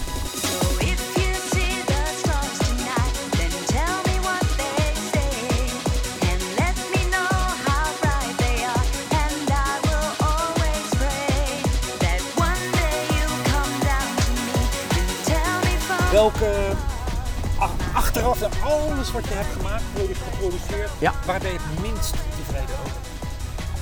Qua producties. Ja. Ehm, En dat mag best een succesding zijn. Hè? Ik Ja. bedoel, dat heeft daar niks mee te maken. Het kan ook zo zijn dat je zelf eh, niet schaamt, maar dat je eigenlijk zoiets had van, nou, daar had ik eigenlijk veel meer tijd in moeten steken of daar had ik meer voor moeten doen? Het album On Air. Oké, Ja, als ik daarnaar kijk, dan was, zat er ook weer zoveel druk op de ketel. En zoveel optredens. En het op- album hebben we toen volgens mij in 96 uitgebracht. En eigenlijk hadden we daar veel meer tijd in moeten steken. Maar dat kon niet. Want optredens gingen door en zo. En, eh, dus sommige tracks heb ik gewoon afgeraffeld. eh, omdat er geen tijd was. Dus jammer. oké. Ja. Oké. Het album On Air. Ja. Ehm, wat als Theo? Wat, als je... Nu, dit is een beetje het wat als verhaal. Ja, ja. En dat is vaak, eh, kan je daarover filosoferen, want je Ja. weet niet hoe het dan was gelopen. Maar je kan hoogstens een vermoeden hebben. Ja, Wat als je Theo nooit was tegengekomen? ja dan had het eh, heel anders Dat gelopen. is toch... Ja, maar dat, Ja. dat zegt dus iets over hoe het leven loopt. Ja, zeker. Want het feit dat je Theo hebt ontmoet, heeft een totale ommezwaai voor jullie allebei gegeven. Want het geldt voor Theo precies één. Ja. Maar wat als hij er niet was geweest? dan, en dan even terug naar die periode dat je hem ontmoette. In welke fase zat je dan en waar had je dan naartoe gegaan? Nou, weet je, ehm, ik denk dat, ehm, dat, dat weet ik niet. Ik weet niet waar ik dan naartoe had gegaan. Dat kan, kan ik je niet zeggen. Maar eh, het zegt heel veel over de persoon die ik op dat moment was. En wat ik nodig had in mijn leven. Daar zegt het heel veel even. Ik houd het heel dicht bij mezelf. Hè? Oké, ja, Dus- je hebt het heel goed. Ehm, als je het mij vraagt, toen de tijd was ik een, eh, ik was best wel een introvert persoon. Ehm, ik, ik was de producer, weet je wel. Het creatieve vermogen lag bij mij. Maar een, eenzelfde creatieve vermogen lag ook bij Theo, maar dan op een andere manier. Hij was eigenlijk een figuur die balletjes in de lucht wierp. En ik kopte ze allemaal erin, weet je wel. Ik, ging, ik zag die bal en ik dacht, oh, een vette bal. Kom maar hier, weet je wel. Ik kop hem er wel in. Ja. Dus ik ging enorm met dat creatieve vermogen van Theo ging ik aan de slag. En hij was de man die extravert was naar buiten. Dus hij ging op een podium staan, pakte die microfoon. En vond ik in het begin vond ik dat heel angstig. Dat deed je helemaal niet. Dat deed ik niet, weet je wel. Dat eh, had ik wel gedaan in de Sandokan. eh maar voor 5000 mensen dacht ik, jezus, zeg, wat, dat durf ik helemaal niet, joh. Nee. Maar ja, uiteindelijk, als je met zo'n figuur omgaat, en dat is, eh, ik noem dat spiegelneuronen, dan ga je dat ook leren. Want uiteindelijk zul je het ook moeten. En dat moest op een gegeven moment, toen Theo op een gegeven moment zo, eh, toen Theo zo, eh, die was, die had, dat was van, eh, van zijn kiezen, die waren getrokken, zijn verstandskiezen. Ja. Die kon niet praten, maar we hadden wel vijf optredens staan. Oké. Dus ik heb al die vijf optredens toen alleen gedaan. Helemaal alleen gedraaid. Dus nou ja, nee, ja wel, hij stond onder de pijnstillers. Dus hij kon niet lullen. Alcohol en uh, pijnstillers, weet je wel. Ja, wodka en pijnstillers. ja. En ik stond met de microfoon. Wauw. Ja, dat was echt van vuurdoop hoor. En toen moest je. Ja, ik, weet, ik kan me goed herinneren. Toen deden we een weekend. Volgens mij was het eh eh Peppermeel Heerlen, Bridgenstein, eh Frankfurt. ehm, en volgens mij ergens nog in de Randstad ergens een optreden. Dus het was, waren vier of vijf optredens die ik in één keer moest doen. Maar vijf in één weekend. De, Ja. de, de meesten denken dan van, criminelen, hoe hou je het vol? Ja, maar dat was, Maar dat was weinig. heel normaal. Ja, dat was normaal. Wat is het Vijf, zes, normaal. Vijf, zes in een weekend? Ja, normaal. Ja. Het meeste wat ik gedaan heb was eh, denk ik, eh, nou ja, het meest, misschien het meeste wat ik, wat ik, eh, die heb ik niet eens met Theo gedaan. Maar ook wel gekke tijden gehad. Het was gewoon bizar dat we gewoon in, in, in twee weken tijd deden we 30 optredens of zo. ja, In twee weken? 30? twee weken. Ja. Dus twee weken was een kerstvaka- kerstvakantie. Nou, dan waren alle clubs destijds, discotheken, die waren gewoon open. Ja. Iedere dag. Nou, dan stonden wij gewoon daar zo te, op te treden. Deed je dan ook die twee weken lang gewoon 30 keer hetzelfde setje? Of probeerde je dan toch nog wel de afwisseling te maken? Nee, we, Dat kan mij dan niet. ja, maar de mensen die, die, die kennen je natuurlijk wel van eh, wie je bent. Hè. Dus we draaien natuurlijk al onze hits. Tuurlijk. En ook de platen die op dat moment echt, echt hot waren. Eh, en afwisseling, ja, natuurlijk was de afwisseling. Maar je weet zelf dat als je in één keer allerlei platen gaat draaien die je nieuw gekocht hebt. Ja, Dat kan niet. dat kan niet. Nee, Maar word je dat dan ook zat tijdens zo'n periode? zeker. Ja, op een gegeven moment word je zat. En eh, ik kan me ook nog heel goed herinneren, want dat doe ik eigenlijk ook op wat ik net zei. Ik heb op een gegeven moment, eh, toen ik met Starsplash in Duitsland, en, eh, 2001. 2001 ben ik begonnen in, in, in Duitsland met Starsplash. Dat was ook eigenlijk Synchronicity met Bit and Beat begon toen ook. En ook eh Deepak ben ik Ja. toen ook gestart. Nou, en ehm, met Starsplash ehm, ja, toen heb ik op een gegeven moment in 2004 ook een tour gedaan samen met Scooter. En dat was toen ehm, ja, in 40 dagen 35 optredens door heel Europa. Ja, en toen merkte ik, en, en dat, was, dat, dat was het eerste wat ik merkte, dat ik toen dacht van, wat ben ik allemaal aan het doen joh. Ja, en toen ging ik, ehm, toen ging ik een retraite doen in eh, Zuid-Frankrijk. Met de auto daar naartoe met vijf of zes mensen. En nou, het was, was zo relaxed, was dat tien dagen lang in eh, de buurt van, eh, eh, hoe heet dat, waar, helemaal beneden daar zo, waar Airbus zit. In Frankrijk? Toulouse. Oké. Ja, Toulouse, 80 kilometer ten zuiden van Toulouse. Toen kwam ik daarvan terug en ik weet nog goed, ik moest toen, ik, ik reed op maandag terug. Nee, ik, ik reed op, ja maandag reed ik terug. Ik kwam maandagnacht kwam ik thuis op de ringweg van Den Haag. Toen dacht ik, wat is hier los? Al die lampen en zo, al die lichten op de ringweg van Den Haag. Ik kon het niet plaatsen, weet je. Ik dacht van, wat is dit voor show hier zo? Nou, toen eh, naar huis toe.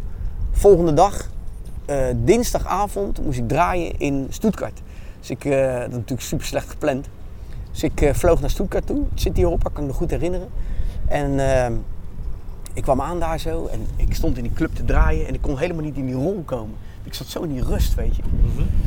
En ja, ik vertelde dat toen op een gegeven moment ook tegen mijn, eh, mijn coach, toen dat hij mijn zijn coach. En die zei van, eh, joh, ja, ja, ja, dat is gewoon die rust, weet je, die je in jezelf ervaart. En dat archetype van, van, van, eh, ja, van, van de rust komt heel erg naar voren in die meditatie. Maar dan moet je dat archetype van de DJ, van de entertainer, moet je weer op kunnen roepen. Daar moet je eigenlijk gewoon eventjes de tijd voor nemen. Dus moet je anders plannen. Nou, en toen kwam er een periode na dat ik op een gegeven moment eh, merkte ja, dat ik eh, na videoclipopname in Amerika en draaien in, in, direct daarna ook weer in Oostenrijk weer geen tijd, geen rust nemen. Ja, toen ging ik op een gegeven moment weer oud op Schiphol. Dat ik dacht van, wat gebeurt hier, weet je wat, het is niet gezond. Nee. Toen zei ik dat tegen die, die coach van mij en die zei van, ja, wat zou je ervan denken om een keer een sabbatical te nemen? Om nou eens je drijfveer eens goed te onderzoeken. Waar ben je nou mee bezig, weet je? Je bent jezelf, in plaats van dat je ehm, constructief bezig bent, ben je destructief bezig. En die twee woorden ben ik nooit vergeten. Dat waren twee tegenpolen die ik ook in mezelf ook wel zag, weet je. En eh, ehm, eh, Freud noemde dat zeg maar dan eh, de, de eros en de thanatos. Dus eros is eigenlijk zeg maar de liefde, het, des, het, het, het, constructieve. Terwijl thanatos is eigenlijk zeg maar het, het eh, destructieve. Dus constructief, destructief. Ta, ta- thanatos en, eh, eh, en eros. En ehm, ja, toen kwam ik er dus achter dat ik heel vaak in dat destructieve mezelf bracht. En dat ik daar niet per se heel happy van werd. Maar dat, dat deed je dus, deed je dat dan bewust? Of dat gaat onbewust, omdat je gewoon iets aanpakt wat uit de hand loopt? Ja, het, in mijn, en, toen ik dat ging onderzoeken in mijn sabbatical, want dat was wat die, eh, die, die coach van mij zei, van joh, vind je het dan niet leuk om een keer een sabbaticaltje te nemen? Nou, toen heb ik dat gedaan, een jaar. En toen ben ik dat gaan onderzoeken, heb ik een boek geschreven, autobiografie van een DJ. Ja. En daarin heb ik mijn drijf- drijfveren onderzocht en ook gevonden. En toen kwam ik op het spoor van eh, een persoontje wat altijd op zoek is naar aandacht. Eh, geld. Geld was toch ook echt wel belangrijk in die tijd. Ehm, chicks, weet je wel, seks. Ja.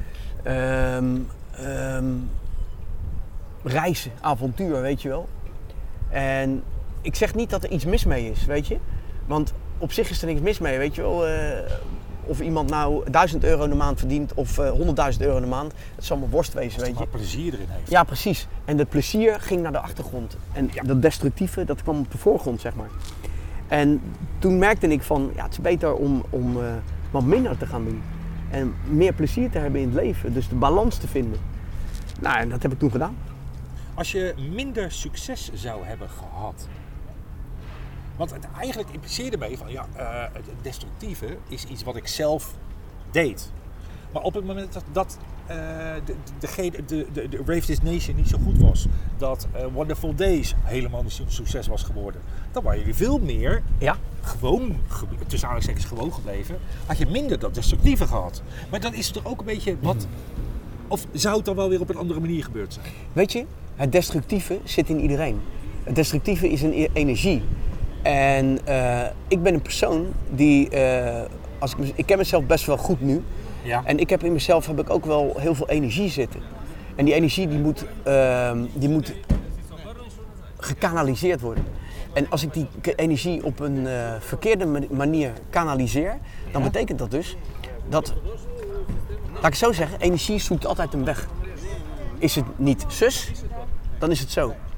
Dus ik kan bijvoorbeeld, ehm, eh, als ik niet heel veel draai, dan zoek ik, zoek ik wel wat anders om eh, mijn energie in te stoppen. Wat Ja. doe ik dan? Dan ga ik sporten. Maar sporten is weer een hele andere beleving van energie. Want dan sta ik niet voor 5000 mensen, eh, dan sta ik lekker te zweten, dan kan ik s'avonds vroeg mijn bed in.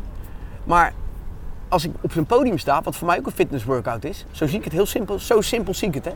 Fitness workout, want ik sta te dansen, ik sta te beuken, weet je, Tuurlijk. springen, helemaal kicken. Vind ik super gaaf, super gaaf ook. Maar zodra ik daar zeg maar mezelf in verlies, s'nachts laat naar mijn bed toe, weet je. En toen de tijd, eh, in 2000 lag ook nog dat seks op de, op de loer, weet je. Dan ga je dat ook nog eens een keertje doen. Ja. Af en toe dronk ik nog wel eens een wodkaatje. Dus dan wordt het heel snel destructief. Dus voor mij is het een energie. Wat doe je met energie? Ga je het, stop je het in de thanatos, of, of eh, energie is het, het omvattende. Ga je het in de thanatos leggen of leg je het meer in de, in de eros? Is het, het, is ook verdelen. Maar dat is het. Dus het zijn twee, ze, ze zijn niet los van elkaar te, te zien, die energieën. Nee. Want uiteindelijk eh, ga ik ook dood, weet je wel. Ga ik ook richting de Thanatos, richting het destructieve. Dus die twee krachten zijn altijd aanwezig. Maar uit Thanatos komt ook weer Eros. En juist, het zijn yin en yang. Twee aan elkaar verbonden. Snap je? Ja, ja, ik snap ik- heel goed zelfs. Kijk, ik in, ben, in, in, in, in, seks, in seks zit ook de dood. De dood zit ook in seks. Waarom? Omdat juist in het orgasme, wat zeg maar geboorte teweeg brengt, Ja. zit zeg maar ook, eh, eh, zit, zit ook de dood. Want je, je verliest jezelf in het orgasme. Je weet even niks. Het is een moment van niet weten. Even kijken, ik heb nog twee vragen. Zo, eh, ja, twee vragen heb ik nog, sowieso. Ja. De vraag is eigenlijk, die moet je aan jezelf stellen. Ja. Was ik maar tien jaar eerder in de zen gegaan? In, in het zen meditatie. Ja, nee. Nee. Nee? Nee. Kwam het Nee. op een goed moment? Ja. Ja. Toch? Ja. Het, de, de kosmos helpt je. Oké. Ja, zeker. Ik zie alles wat op je pad komt. Dat, dat is, eh, iedereen loopt zijn eigen pad. Ja? En datgene wat op je pad komt, dat komt op het juiste moment op je pad. Als het tien jaar eerder was geweest, had ik nooit dat met Theo gedaan. Dat was het. Oké, dus het Zeker. is op het juiste moment is dat Ja. gebeurd. En anders was je er voorbij gelopen en had je er helemaal niet Ja, voor. eh, zeker joh. Dan had ik helemaal niet in die energie geloofd en zo en alles. En, en nee, nee, nee, nee, het is, nee, nee, het is echt eh, op het juiste moment gekomen, zeker. Ja. Oké, oké. En de allerlaatste. Kijk, wat een uitzicht Mooi, hier ook heb, joh. Bij, Ja, geweldig, Bij? Simone zijn we hier. De haven, ja, ik heb hier eh, een tijdje gewoond nog ook aan de haven. Ietsje verderop in die appartementen daar, heb ik twee jaar gewoond. Ja. Echt? Ja, was een mooie tijd ook. Wat een uitzicht. Ja, geweldig. Ook s- 's winters, of in de herfst als keihard aan het eh, eh, regenen en waaien was, dan hoorde je zeg maar het klapperen van de touwen tegen de mast staan. Zo. Ja? Heel hard. Ja, geweldig. Mooi. Mooi beeld zo. Mooi beeld. Ehm, hoe zou de wereld eruit zien? Dat is de allerlaatste vraag. Ja. Officiële dan. Mhm. Hoe zou de wereld eruit zien als iedereen aan zen zou doen? Maar dan ook echt iedereen. Helemaal kloot. Echt? Ja. Want? dat is verrassend. Ja. Helemaal kloten zelfs. Ja, ja nee. Ik, ik vind de wereld zoals die is, met alles erop eraan, vind ik mooi zoals die is. Ook met zijn slechte kanten, ook met zijn goede kanten.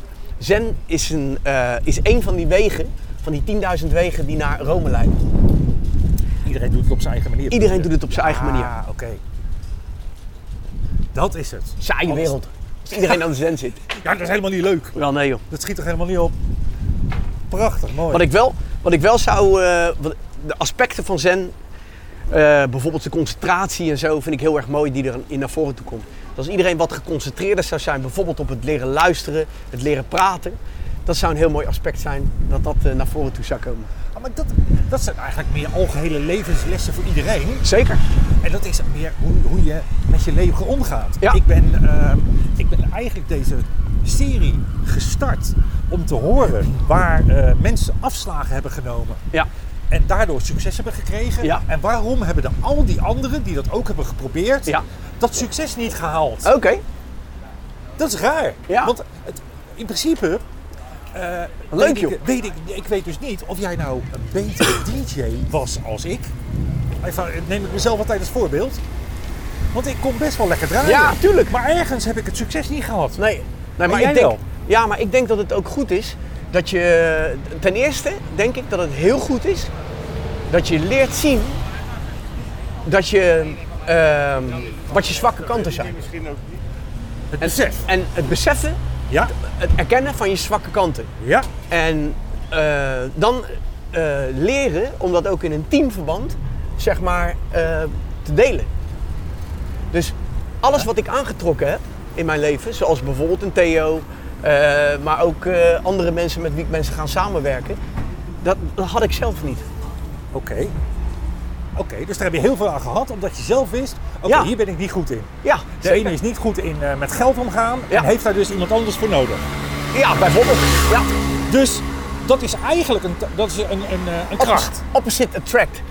Precies. Ik, ik, vind, ik vind ook zeg maar, het mooie van, van als je kijkt naar bijvoorbeeld. eh, mijn linkerhand is niet mijn rechterhand, maar ze passen heel mooi samen. Ja. Mijn linkerhand zou nooit in mijn, in mijn linkerhand zou nooit in een linkerhand passen. Het Snap is je? altijd links en rechts Ja, samen. rechts, rechts past perfect op links. Je hoorde het, een gesprek met Ramon gaat verder dan alleen het DJ-werk en produceren van muziek.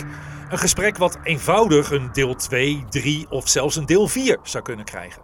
En wellicht komt hij er nog wel. Nou, voor nu, dankjewel voor het luisteren. Wil je meer horen? Check dan alle afleveringen van Remixed te vinden in je favoriete podcast-app. Tot de volgende keer en keep on mixing.